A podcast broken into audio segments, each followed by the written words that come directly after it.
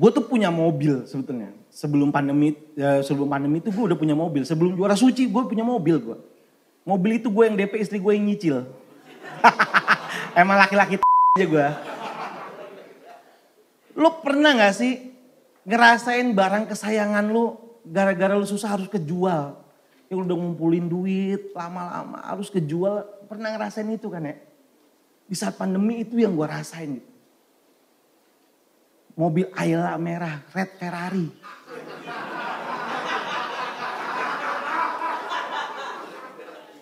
Yang di Marcel Widianto itu mobil gua.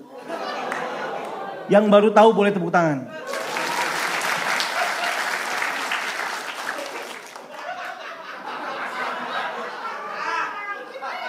Red Ferrari itu mobil gua. Sumpah teman-teman. Jadi gue ceritain pelan-pelan ya. Bisa aja lo yuk.